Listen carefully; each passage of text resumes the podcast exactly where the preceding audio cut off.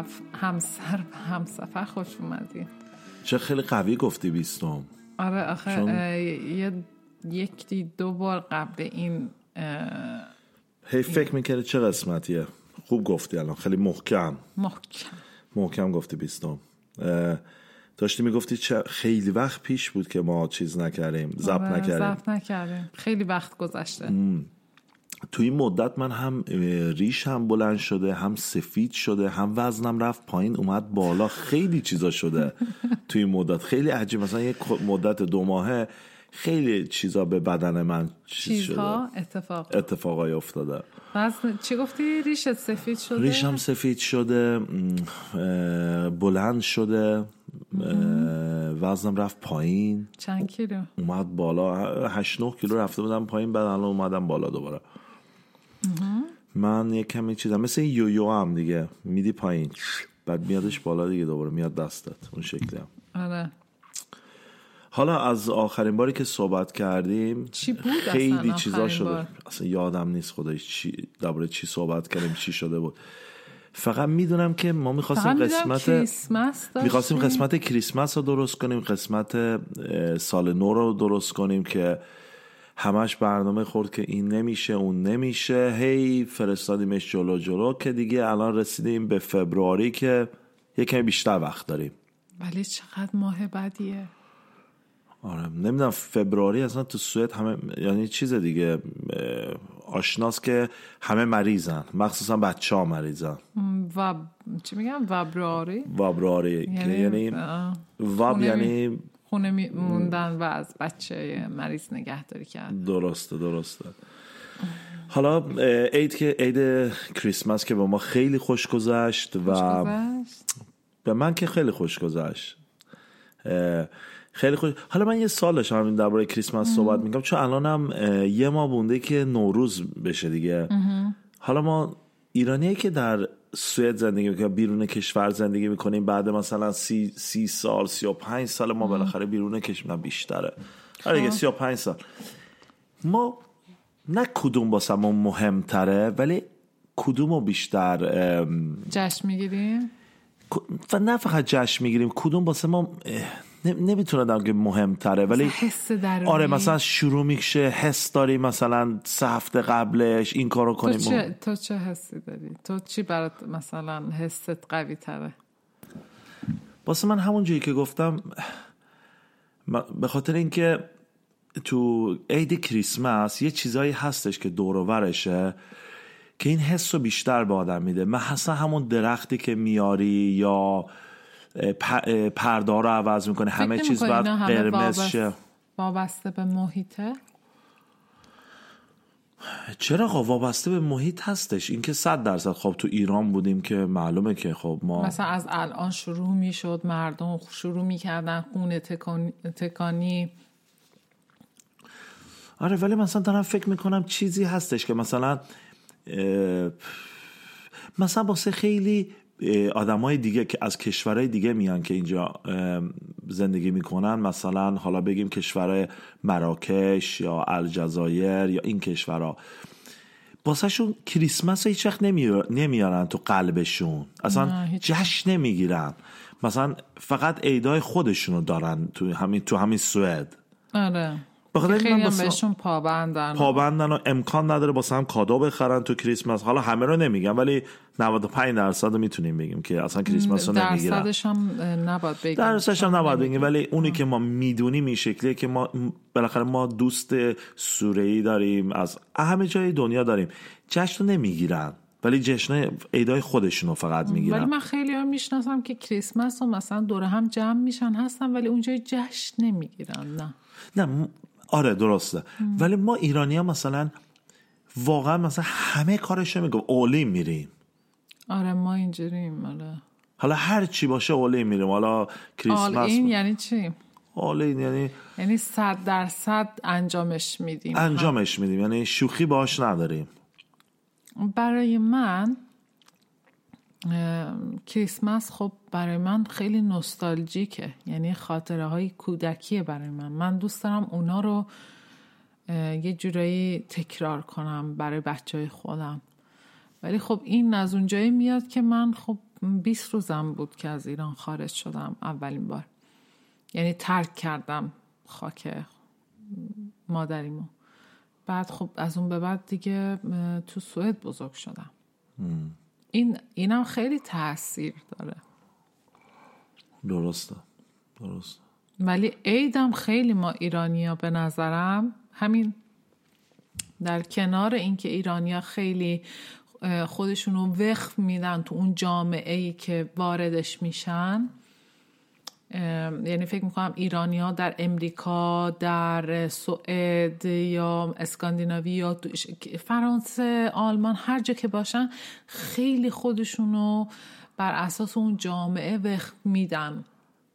ولی ولی یه چیزی که جالبه می‌خواستم بیام حالا درباره کریسمس هایی که بذاریم کنار حالا که می الان وسط فبروری بعد کریسمس هم سال نو میاد دیگه. ولی سال نو مثلا اروپایی مسیحی ها اونقدر جای کریسمس رو نگرفت که کریسمس که مثلا نوروز یه جوری اوت کرد یه جوری سال نو با چهارشنبه سوری ما متوجه میشه چهارشنبه سوری هنوز واسه ما یکم قوی تر اینجا. تا سال نو سوئد مثلا سال نو که تو کل دنیا هست. خیلی هم نمیدن که اصلا اساسش مسیحیه. آره ولی خب مثلا خب وقتی تو ایران بودیم که وقتی من بچه بودم که سال نو رو جشن نمی‌گرفتم نه تو ایران نه. خب ولی مثلا ما اومدیم اینجا سال نو هم داریم. نه که سال نو کاری نمی کنیم ولی همونقدر مهمه واسه ما چهارشنبه سوری. ولی ایران جز اون کشورهای استثنائیه که سال نو نمی‌دونم غربی رو جشن نمی‌گیره در واقع. چون اگه مثلا توی مالزی نگاه کنیم فکر کنم جشنشو می‌گیرن. یا مثلا توی خیلی از کشور حالا من نمی‌خوام نام ببرم چون ممکنه اشتباه باشه آدم می‌تونه بره نگاه کنه ولی خیلی از این کشورها فکر کنم جشن سال نو غرب, غرب و مسیحیت رو جشن می‌گیرن با کل دنیا. درست. و حالا سال نو هم بذاریم کنار یک چیز شد یه چیزی یادم رفت که بعد دوباره برم عقب. اوکی. یه چیزی که فکر کردم بعد سال نو این چیزا می‌دید که بعد بعد کریسمس همه چیز حراج میشه تو سوئد. حراج نه حراج. چی میشه؟ حراج. حراج میشه. حراج. حراج. معنی دیگه ای داره فکر کنم نمی‌دونم. حراج؟ خب نگو انقدر خوبه یا حراج. خب حراج میشه. حراجی میشه حالا. و خیلی جالبه که چجوری میرن تو مغز ما که همش باید خرید کنیم. Oh قبل کریسمس بلک فرایدی میاد نمی‌دونم چند نوامبره که مردم قوقا میاد وقتی من می‌خواستم برم پاکت چون به خاطر که کرونا شده خیلی چیزها رو از طرف پست میفرستن آره، و ما باید بریم مثلا توی مغازه وایسیم تو صف پست رو در بیاریم. حالا این چه کمکی به کرونا می‌کنه؟ خب که دیگه نریم مغازه و اینا که آدمای دیگه رو ببینی و اصلا نمی‌تونستم بیام توی مغازه وقتی می‌خواستم برم پستامو بیارم. یعنی لباسایی که خریده بودم و کادایی که خریده بودم نمی‌تونستم. بعد بیرون وای میسم بعد صدا می‌کنن. یکی یکی آدم میره با شماره. بعد این تموم میشه. دوباره بعد کریسمس سری می‌زنن حراجی. بیاید خرید کنید بیاید خرید کنید بیاید خرید کنید. بعد چجوری میرن تو مغز آدم و چجوری همش نشون می‌خوام بدن الان اینو باید بخری؟ چون الان بهترین قیمته و اگر نخری شوهر خوبی نیستی یا زن خوبی نیستی یا ببخشید من الان رفتم تو واز ولنتاین آره بعد بعد با چیزای چیزای استفاده می‌کنن که واقعا گولت می‌زنن. مثلا الان پولم نداره عیبی نداره. بیا اینا مجانی بردار بعد 6 ماه پولشو بده. بعد یک سال پولشو بده. بعد یک سال تازه. مثلا با سود خیلی کم مثلا. مثلا 3,29 بیا بخر بیا بخر. یعنی یه چیزو می‌خواد بهت بفروشه همین الان. یه چیزی که مردم یه چیز دیگه هم هستش که بعد هم همیشه فکرش کنه. اینا یه چیزو به تو دارن میفروشن. یه دونه حالا بگیم یه تلویزیون رو دارن به تو میفروشن. یه رویا. نه یه تلویزیون رو دارن بهت میفروشن. یه تلویزیون رو میری می‌خری. یه تلویزیون رو میاری خونه مثلا بگو ده هزار کرا میگه این پول الان نده. بیا یک سال دیگه بده. مثلا شیش ماه دیگه بده. با یه مثلا یه رنتا چه می‌دونم چی میشه به فارسی؟ با... رنتا میشه ارز. به ارزی که مثلا 5,9 میدی. مثلا بعد. خب وقتی من سود ببخشید. من مثلا اون ده هزار کرون که مثلا بخوام یه سال دیگه بدم خب اون ده هزار کرون اون موقع یه تلویزیون بهتر می‌تونم بگیرم. متوجه میشم همیشه مدل های جدیدتر میاد. اوکی آدم می‌تونه بگه خب این شرکت هم پولاشون الان نمی‌گیرم بعدا می‌گیرم ولی بانک به اونا سری میده. مثلا تو میری یه سامسونگ این مغازه می‌خری اون کردیت سری داره پولو به اونا میده. تو چی؟ تو پولت میمونه بعدا میدی. ارزش پولتو خب رفته کمی پایین. ارزش اون وسایلی که گرفتی اومده پایین. و چی؟ شاید اصلا پولشو نداشتی اونو بخری. فقط یه چیزی باید فروخته فقط گول منظور خوردی. من از رویا همینه. ببین مثلا میان میگن که آدم موفق یه همچین تلویزیونی باید تو خونش باشه. و ما واقعا اینو باور می‌کنیم. که ما اگه می‌خوایم مثلا خوشبخت باشیم موفق باشیم خوشبختی ما و موفق... موفقیتی ما وابسته میشه به کالا یعنی ماتریالا material things. به کالا وابسته میشه و این به نظر من واقعا وحشتناکه چون واقعا چی ارزش داره اینجور چیزا؟ چه ارزشی داره؟ همون. بعد حالا استرسی که ما گرفتیم این بودش که حالا بلک فرایدی اومد برو سریع خرید کن. خب آدم می‌تونه نره خرید کنه ولی خب همیشه وسایلی می‌خوای. همیشه تو هم خود اصلا این نیاز رو در تو ایجاد می‌کنن خودشون. همیشه باید مثلا می‌خوای بری یه چیزی بخری یه چیزی هست. این تمام میشه شروع میشه کریسمس که بعد بری خریدینا کنی. چی می‌خوای کادو بخری؟ همه دارن با هم صحبت. بعد کریسمس کی بیا هم بریم این اینا که ار- ارزون شده رو بخریم. تو یکی می‌خوای نفس بکشی؟ سال نوس که می‌خوای چه غذایی بخری؟ چه لباسی بپوشی؟ چه لباسی بپوشی؟ اونو شروع میشه. آقا تا تموم شد اومدیم نفس بکشیم. ولنتین دای می‌خوای چیکار کنی دیگه؟ ولنتاین دی ولنتاین دی می‌خوای بابا نمی‌دونم. بذار یه ثانیه نفس بکشه. الان الان تموم اگه نشده. نگیری الان مثلا- تموم نشده چی شد؟ نوروز رو می‌خوای چیکار کنی؟ بریم که آجیلینا رو اینا رو بخریم یا یه دفعه سال مثلا روز روز روز مادر. بله. یا فکر گفتی الان روز مادر بود. روز مادر که اون موقع. نه الان ایران روز مادره. اه، یادم رفت. الان ویتنام روز پدر بزرگه ای شیت برم این کارم کنم. اصلا نمی‌رسم. نمی‌رسم همیشه بیا اصلا بشینیم یه روزی جمع بندی کنیم همه این روزا رو. ببینیم چند روز ساله. من یه بار واسه حساب کردم. فکر کنم شدش 44 روز واسه ما که واسه ما مهمه. مثلا یکی تولد منه تولد تو تولد این بچه است تولد اون بچه داداش خواهر خواهر برادر. روز مادر روز پدر روز نمی‌دونم دیگه. روز ببین به یه جایی رسیده مثلا روز کیک اومده تو سوئد. مثلا روز سملا داگه مثلا مثل نونخامه ایه ولی مدل مثلا اسکاندیناوی بهش میگن روز چربی. واقعا این اسم داره. روز چربیه یعنی که باید می‌تونی از این نونخامه یا بخور, بخور. با نون و خامه و هی بخور. مثلا روز روز خب عجیبی اومده میگن اصلا. که خیلی میگن که خب اگه بخوام مثلا اون بخش منفیشو بذاریم یه بر قضیه. خیلی میگن که خب این روزا زندگی رو شیرین می‌کنه. یعنی از اون حالت یه نواختش میاد بیرون. ببین بستگی داره تو چه شیرین می‌کنه. اصلا درباره اون نیست. در بستگی ببین شیرین می‌کنه باسه یه نرخونه قبل ماست. ببین الان شیرین می‌کنه نیستش. الان خریدنه. الان این نیستش که یکی بیاد خونه بگه اوه عاشقتم. مثلا تو روز قلب اونم میگه اوه منم عاشقتم. مثلا یا یکی واسه اون یکی شام درست کرده بشه بشینن بخورن. اونا تموم شد. الان باید همیشه اون کاری که می‌کنی کار بهترش رو سال بعدی بکنی. متوجه میشی؟ همیشه یه دونه مسابقه است که چیکار کنی؟ چیکار کنی؟ چیکار کنی؟ تو اینجوری احساس من می‌کنی این شکل هستم حالا بریم قسمت دوم. بریم. بریم. هم سفر من. از این خب بریسا رفتیم قسمت دوم.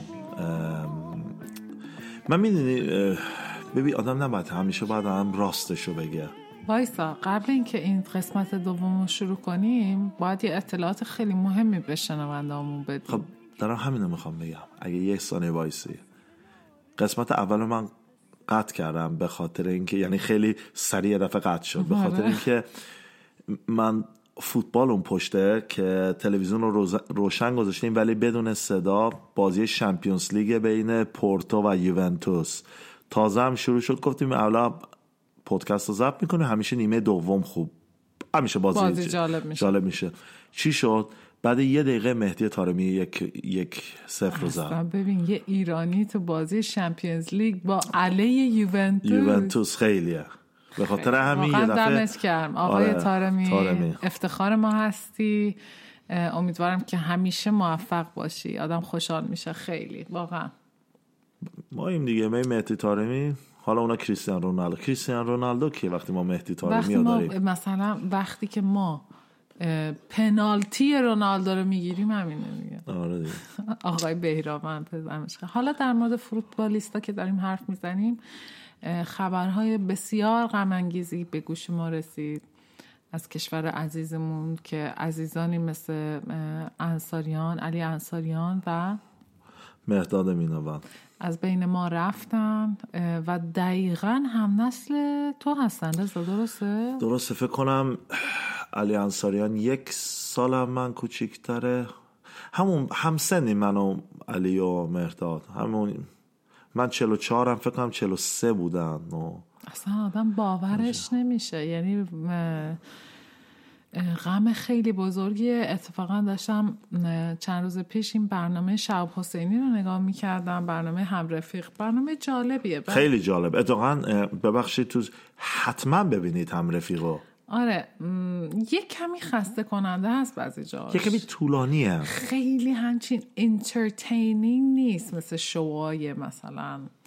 ولی جالبه هم رفیق. مثلا آدم می‌خواد وقتشو بذاره یه فیلم بد ببینه یا یه سریال این مثلا یه فیلم بد خیلی بهتره. خیلی همچین فضای صمیمیه. انگار مثلا دو تا دوست نشستن بعد در مورد رفاقت هم حرف می‌زنن. خیلی صمیمی و قشنگ بد نیست. ولی خب مخصوصا با اتفاقایی که افتاد شب حسینی این برنامه رو از قبل ضبط کرده بود و مثل اینکه چند روز بعدش چند روز بعدش مریض شده. یه هم چیزایی من شنفتم حالا آره، نمی... آدم نمی‌دونه واقعا آره. حالا بعد بعد توی برنامه هم اعلام کردن که ما از خانوادهش اجازه گرفتیم تا این برنامه رو پخش کنیم. بعد آدم میشینه این آدم رو نگاه می‌کنه. حالا ما تازه قبلش هم نشسته بودیم برنامه شام ایرانی رو هم نگاه می‌کردیم که اونم خیلی برنامه حالا جالبیه آره، اگه با آدم واقعا یه بر بایدی شام ایرانی رو ببینید آره، یعنی خیلی. یعنی خیلی. واقعا قشنگه یعنی کیفیت بالا بالا مثلا اصلا نمیشه آدم حساب کنه با اون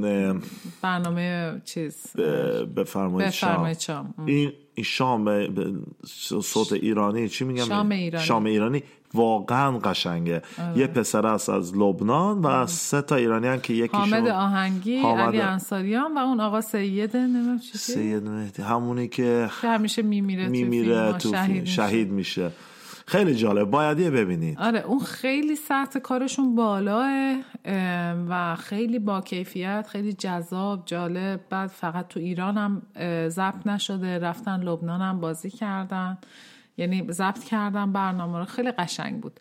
بعد آدم حالا اینا رو می‌دید بعد این برنامه هم رفیق شب حسینی رو هم آدم نگاه می‌کرد. خب واقعا خیلی غم انگیزه. یعنی من کلی گریه کردم خودش. میدین واسه من چی جالبه؟ آدم ببین همه چیز رو می‌تونه منفی و مثبت ببینه. مثلا مردم این شکلی منفی می‌کنن مثبت می‌کنن. واسه من یه چیزی که خیلی مثبته یعنی خیلی خوشحال شدم. حالا می‌دونم می‌دونم که خیلی ها نمی‌دونستن مهداد میناوند یعنی علی انصاریان خیلی ها نمی‌دونستن کیه. مهداد میناوند و اونایی که فوتبال دیدن جام جهانی 98 رو یادشونه ولی کلا آدمایی که فوتبال دیدن نیدن خیلی ناراحت شدن واقعا ته قلب که واسه دو نفر دو نفر انسان ایرانی که فوتبالیست بودن و اینا خیلی مثلا گو- چیز سیاه گذاشتن واقعا نشون دادن. متوجه میشی؟ یعنی این چیز ایرانی رو خوشم میاد وقتی همه پشت همیم. همه با هم ناراحتیم همه با هم حالا خوشحالیم. این چی خیلی جالبه واسه من. آره خب این فکر کنم توی بیشتر فرهنگا وجود داره. ولی خب وقتی که آدم خودش جزوی از این کامیونیتی باشه یا این جمع باشه خب مسلما حس قوی تری داره آدم از اینکه در غم در غمی مشترکه. مشترک هست. یعنی با هم شریکیم در این غم. ولی خب خیلی خیلی خیلی غم خبر غم انگیزی بود. بعضی وقتا آدم واقعا باورش نمیشه که کرونا هست. چون که نه من مریض شدم تا الان نه تو. ولی خیلی از مریض شدن. خیلی. خیلی جالبه یادم می شروع کردیم ما وقتی ما پاد این پادکست اصلا شروع کردیم همسر, همسر و همسفر این بود که کرونا شروع شد و ما خونه بودیم وقت داشتیم شروع کردیم ضبط کنیم.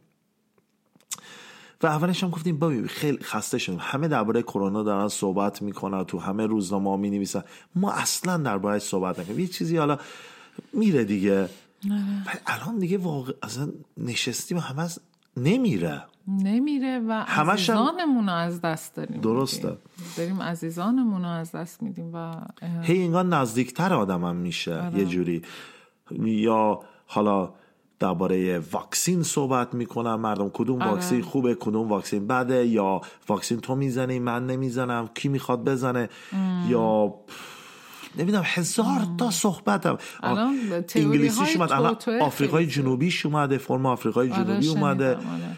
همش اصلا آدم مغز آدم خالی می‌کنه. آره یعنی من فکر می‌کنم تو این دورانی که مردم خیلی همچین نگران و استرس دارن خب خیلی هم ممکنه از, از این شرایط سوء استفاده بکنن و ترس و وحشت در آدم ها ایجاد کنن و پخش کنن. ولی خب واقعا آدم اصلا یه همچین اتفاق خیلی اتفاق عجیبیه از اینکه این یهو اومد و اینجوری جهانگیر شد و واقعا کمر همه رو خم کرد.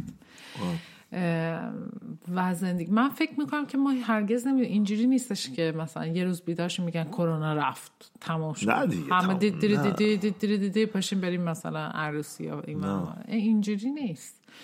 من فکر می‌کنم که ما باید یاد بگیریم که باید زندگی کنیم. صد درصد. قبل حالا قبل اصلا بعضی موقع می‌خوام یه چیزی بگم قاطی انقدر می‌کنم نمی‌دونم چی می‌خوام بگم. می‌خواستم فقط بگم که به خاطر اینکه ما خیلی وقت پادکست ضبط نکردیم این هفته خیلی فریستایل یعنی یه, یه چیز رو دربارهش نمی‌خوایم بگیریم دربارهش صحبت کنیم. به خاطر اینکه چند مدت رفته فقط دوست داریم دلمون رو خالی کنیم.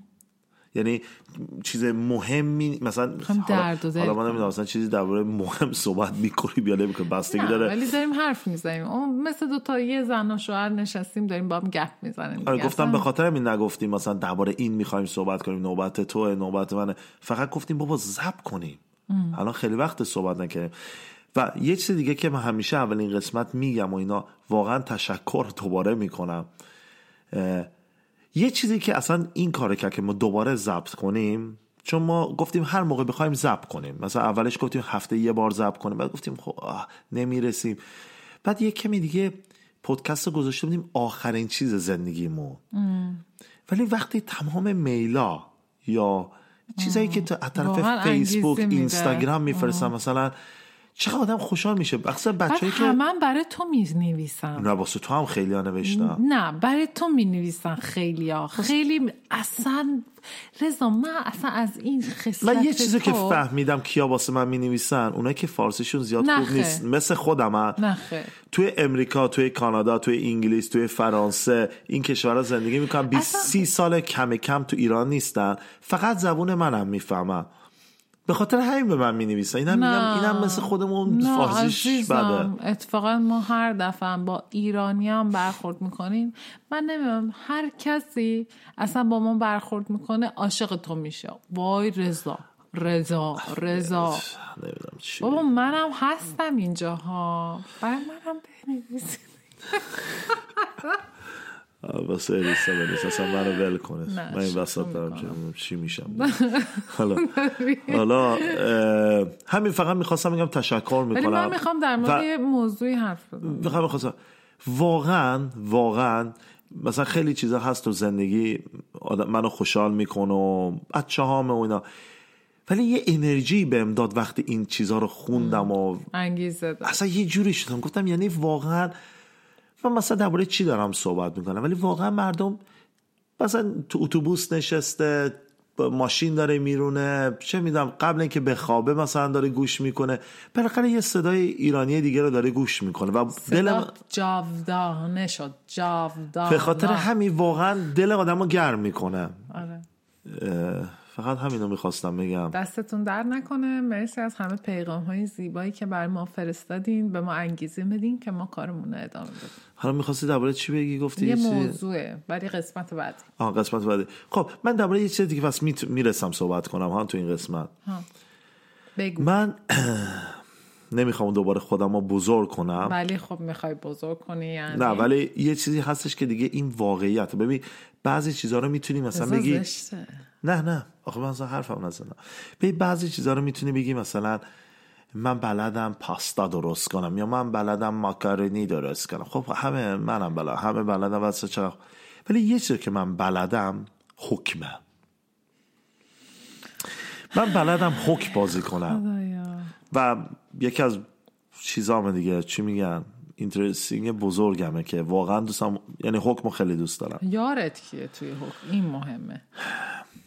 و دیوونه میشم چون حکم واسه من یه بازی نیست. خیلی مهمه. زندگیه. وقتی مثلا چه می‌دونم اصلا اولا باید هر جا میریم من اولین چیزی که میگم میگم که لطفا با رضا نشینین. من خودم اینجا داوطلبانه میام. من همیشه ما همیشه ورقامون رو چون می‌بریم. یهو می‌بینی پا میشه داد می‌زنه سر دعوا می‌کنه. اصلا براش مهم نیست که تو کی هستی مهمونی چجوری اومدی چرا. بعد به خاطر همین همیشه ورقای کیممون رو همه جا می‌بریم. تو جیبشه. وقتی هم وقتی شد همیشه بازی می‌کنیم. فقط یه چیزایی می‌خواستم به همه شنونده ها بگم که قانون حکمو ببین الان نمی‌خواد تمام کارتا رو بشموره ولی دم دیگه سیزده تا کارت حکمه. اینو باید بتونی بشموری. اینو می‌تونی بشموری. آز منی؟ شاه نه کلا میگم. آز شاه بیبی بعد یادت باشه چیا رفته؟ چیزای مهم مثلا حالا مثلا یه چیزو انداختی یا رو بیبی انداخت شاه آس می‌دونی دهت بعد سرباز سر یعنی سومین دست هم امکانش هست بگیری. یه چیزایی خیلی آره مثلا من خشت میدم. مثلا حالا بگو تو آسشو زدی بعد خشت میدی. یعنی یه چیزایی که سیمپل یعنی بعد راحت ترین چیزایی که چیزه. بیا برس سر اصل مطلب. نه مثلا من مثلا بگو من دارم خیلی چیزای راحت هم- و می‌دونی چیه؟ من کفری میشم عصبانی میشم. بله. خب من عصبانی بگو. میشم اینو بگو. و دست خودم نیست. همیشه هم بعدش خجالت می‌کشم. مثلا این طرف مثلا مهمونته. اومده خونتون آره مثلا بعضی موقع به شنونده هم میگم حکم همه جا بازی نکنید اگه نمی‌تونید اگه مثل من هستید. چون من عصبانی میشم.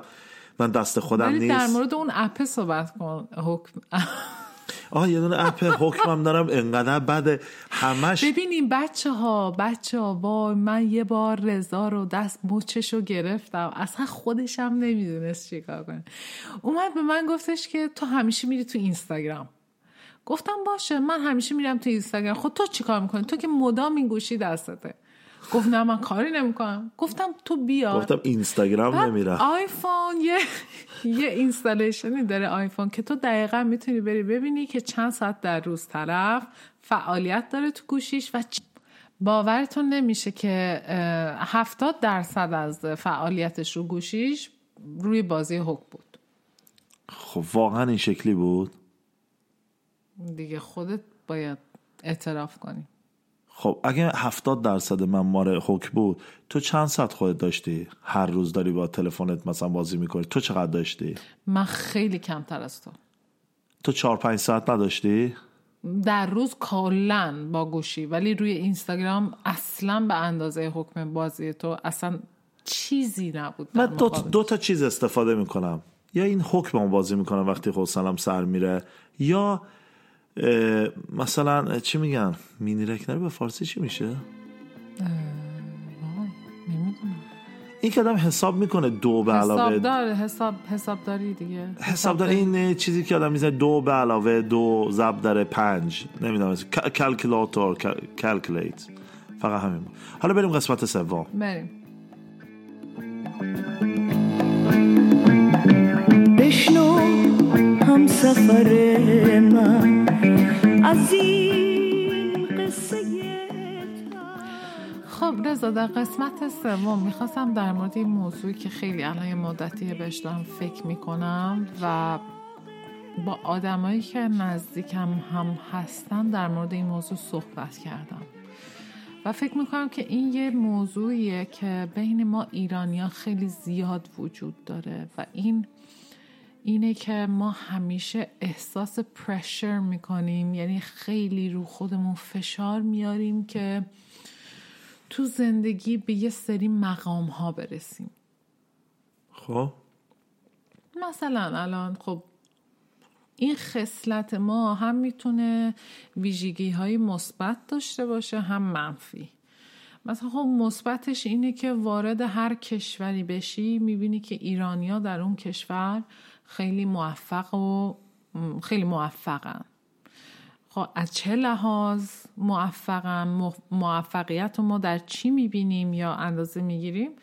آره مثلا طرف مقام مثلا الان در پارلمان سوئد ما ده تا یازده تا کاندید ایرانی یا مثلا پارلمان کاندید ایرانی داریم یا در مثلا توی بزنس یا مثلا توی شراکت می‌بینیم که ایرانیا خیلی مثلا همچین سرمایه‌دار و موفق بیزنسمن های بزرگی هستن یا در مثلا علم خیلی مثلا موفق هستن. اصلا در زمین های متوجه میشم. ولی من فکر می‌کنم و من خودمم جزو اون آدم هایی هستم که همیشه احساس می‌کردم تو زندگیم که من خیلی کم کردم. من خیلی بیشتر از اینهایی که هستم باید می‌باشم باید باشم یا میبودم متوجه منظورم متوجه؟ میشم متوجه میشم صد درصد. ولی الان به یک آرامش خاصی رسیدم تو زندگیم. که با خودم که فکر کردم و خیلی هم مطالعه می‌کنم خیلی مثلا برنامه کتاب چیزای روانشناسی الان خیلی بهش علاقه من شدم جدیدن دارم فکر می‌کنم واقعا چه چیزی ارزش داره توی زندگی. حالا اینی که داری میگی واقعا به جای رسیدی که مثلا نمی‌خوای دیگه بیشتر درس بخونی نمی‌خوای دیگه بیشتر چی میگن؟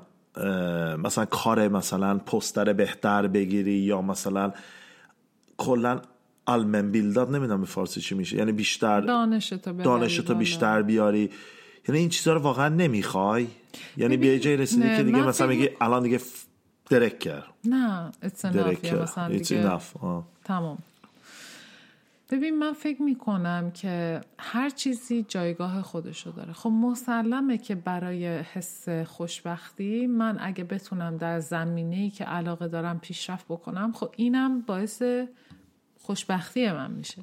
ولی سوال من اینه که مثلا الان ببین یکی از بزرگترین نعمت هایی که آدم می‌تونه تو زندگیش داشته باشه اینه که پیر بشه بمیره. درسته؟ درست خب این اگر آدم از این نعمت چی میگن از این نعمت برخوردار باشه واقعا که بتونه پیر شه و در پیری در اون لحظه که می‌خوای از این دنیا بری واقعا فکرت اینه که اه کاشکی می‌رفتم اون درسرم میخوندم اون مقامرم می‌گرفتم اینو دربارش فکر کنم یه بار گفتیم آره گفتم که من من, فکر با کنم گفتیم. که من یه بار گفتم که فکر نکنم هیچ آدمی تا حالا بغل یعنی رو تخت مرگ دراز کشیده قبل مثلا من باید بیشتر کار می‌کردم. حیف شد مثلا اون روزم کار نکردم. دقیقاً. همیشه میگه چرا کم باید کمتر کار می‌کردم بیشتر با فامیلم بودم یا دوستام حالا هر چی باشه. ولی اینی که تو داری الان میگی خیلی مهمه و من فکر نکنم خیلی آدما تو دنیا تو تمام عمرشون به اونجا برسن. به خاطر اینکه انسان ها ما همیشه فکر اینیم که جمع کنیم. حالا نه اینکه فقط مالی باشه مثلا حالا پول باشه حالا خونه باشه حالا درس باشه, باشه. وسیله باشه. جمع کنیم که فکر بچه هامون باشه. اونا که بالاخره بچه یعنی دارن. به بهونه بچه به بهونه بچه ها فقط جمع می‌کنه ما جمع می‌کنه ما جمع می‌کنه ما جمع می‌کنه روانیه دیگه آره. و هیچ وقت فکر نمی کنیم مثلا خودم چجوری بشم مثلا من باید پیرشم. نه. مهم نیست. بعد من وقتی من از این دنیا میرم پسرای من مثلا می‌تونه زندگی خوبی داشته باشن؟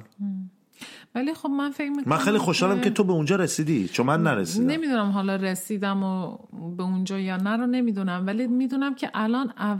بالاخره اول راهم که به این آگاهی می‌رسم الان که من باید از اون چیزی که هستم لذت ببرم. ببخشید. باید لذت ببرم. باید بدونم که خب مثلا الان من برم مثلا یه کار واو بگیرم یا یه مقام یا پست واو بگیرم. چه فرقی می‌کنه؟ ببین هشت ساعت روز رو ما قرار بذاریم برای کار. درسته؟ 8 ساعت که بیشتر میشه. مثلا یه ساعت هم باید بری قبلش یه ساعت هم بری و ده ساعت. آره. کار میشه تو یه روز. ولی در واقع من فکر می‌کنم هشت ساعت یه کمی زیاده. ببین ولی می‌تونم اه، یه چیزی فقط بگم. یه چیزی ایلو- یعنی یه چیزی که اومده تو فکر ما ببخشید فقط چون این 8 ساعتی که تو داری میگی فقط می‌خوام به شنونده بگم که متوجه شم وقتی ما میگیم 8 ساعت کار می‌کنیم یه قانونه که یک ساعت بعد نهار داشته باشی یا مثلا پاوس داشته باشه اینا.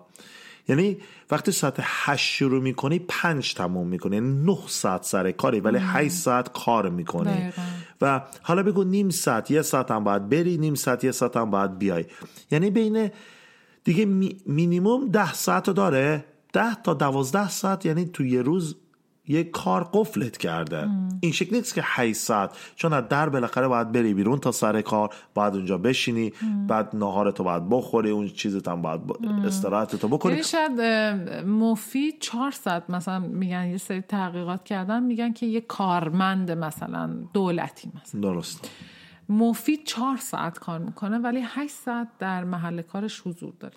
یعنی تو میری ناهارت بخوری تا بیای و تا بخوای را بیفتی و کار مفید انجام بدی چهار ساعت. آره بیشتر نمی‌کشه مغز آدم.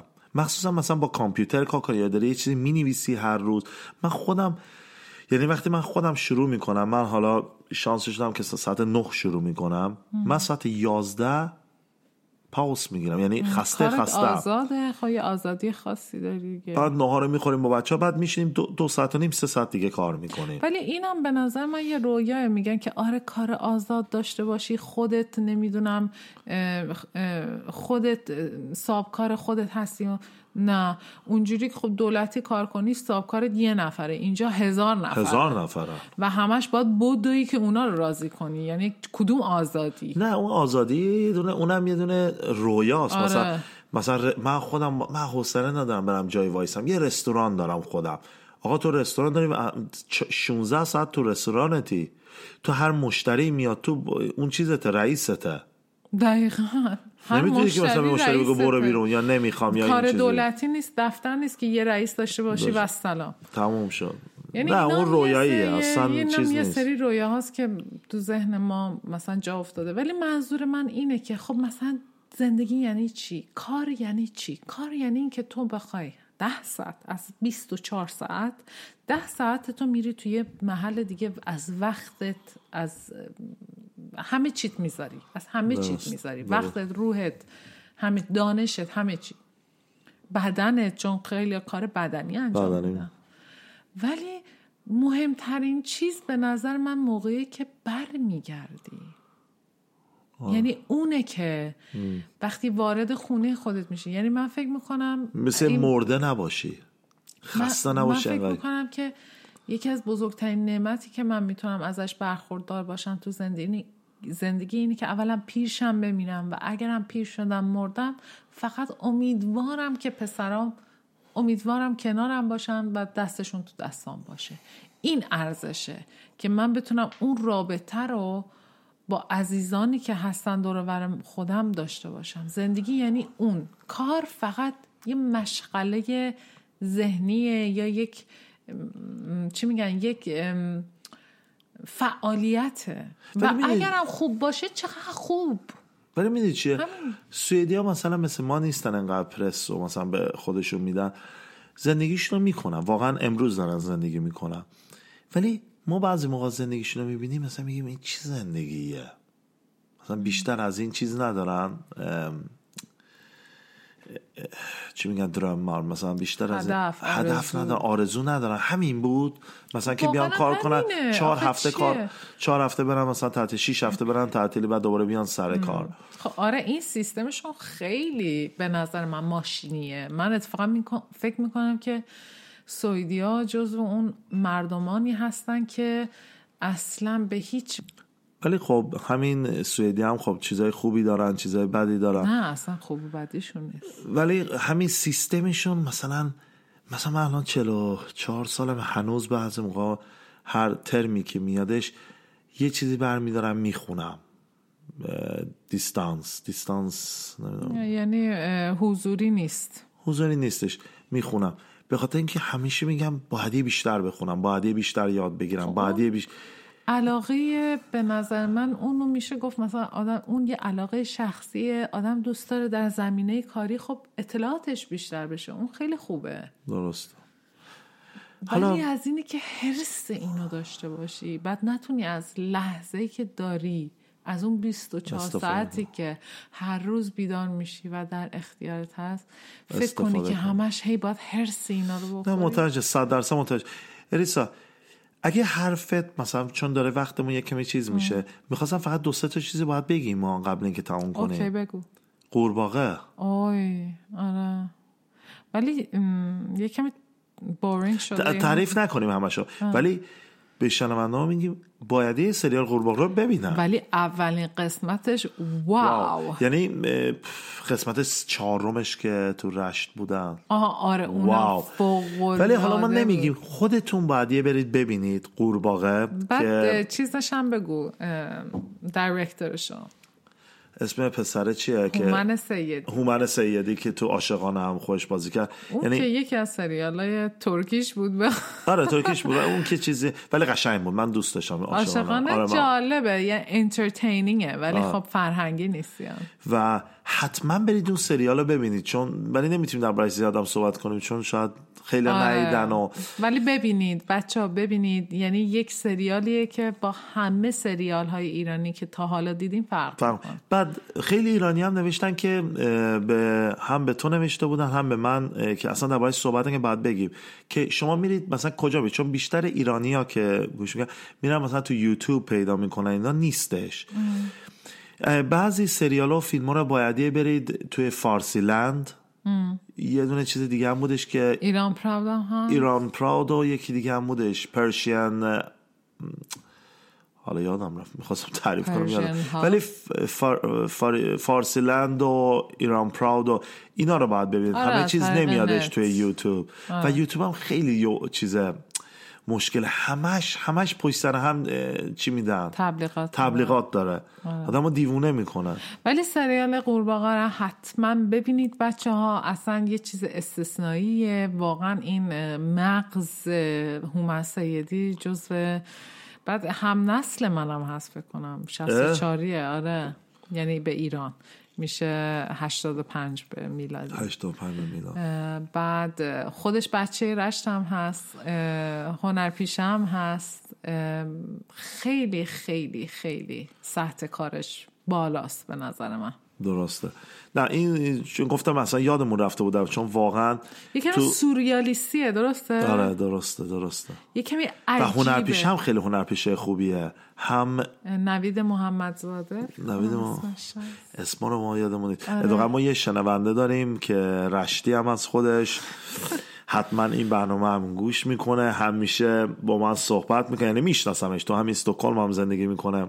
رفیق جونجونی رضا. رفیق ماست. اصلا سلام علیک بهش کنم شاید آقای هادی است. آقای هادی اسمش هست از رشت هم میاد و همیشه هم میاد درست می‌کنه. میگه مثلا تو باید اسم هنرپیشا کارگردانا رو یاد بگیری وقتی دربارش صحبت می‌کنی. آره،. همیشه هم من یادم میره و این همیشه آقا هادی گل ما رو کمک کمک می‌کنه. می‌کنه. مرسی آقا هادی. حالا دیگه رسیدی به انتهای برنامه درسته؟ رسیدم ولی یه جوری حس بدی دارم که داره تمام میشه. چرا؟ نمی‌دونم ولی خب حس بدی دارم حس بد نده به شنونده حالا نه، که به. پایانه حس خوب بده انرژی بده. پنج دقیقه نیمه اولم مونده ببینیم مهدی تارمی کارو می‌تونه بیشتر آره کنه. رضا الان حواسش به فوتباله ولی نه اصلا نه اتفاقا حواسم اینجاست همش. مرسی از از شنونده ها که با ما بودید. امیدوارم که تا الان با ما بودید و به امید هفته بعدی. هفته بعد. هفته بعدی صد درصد. انشالله. قشنگ. قشنگ.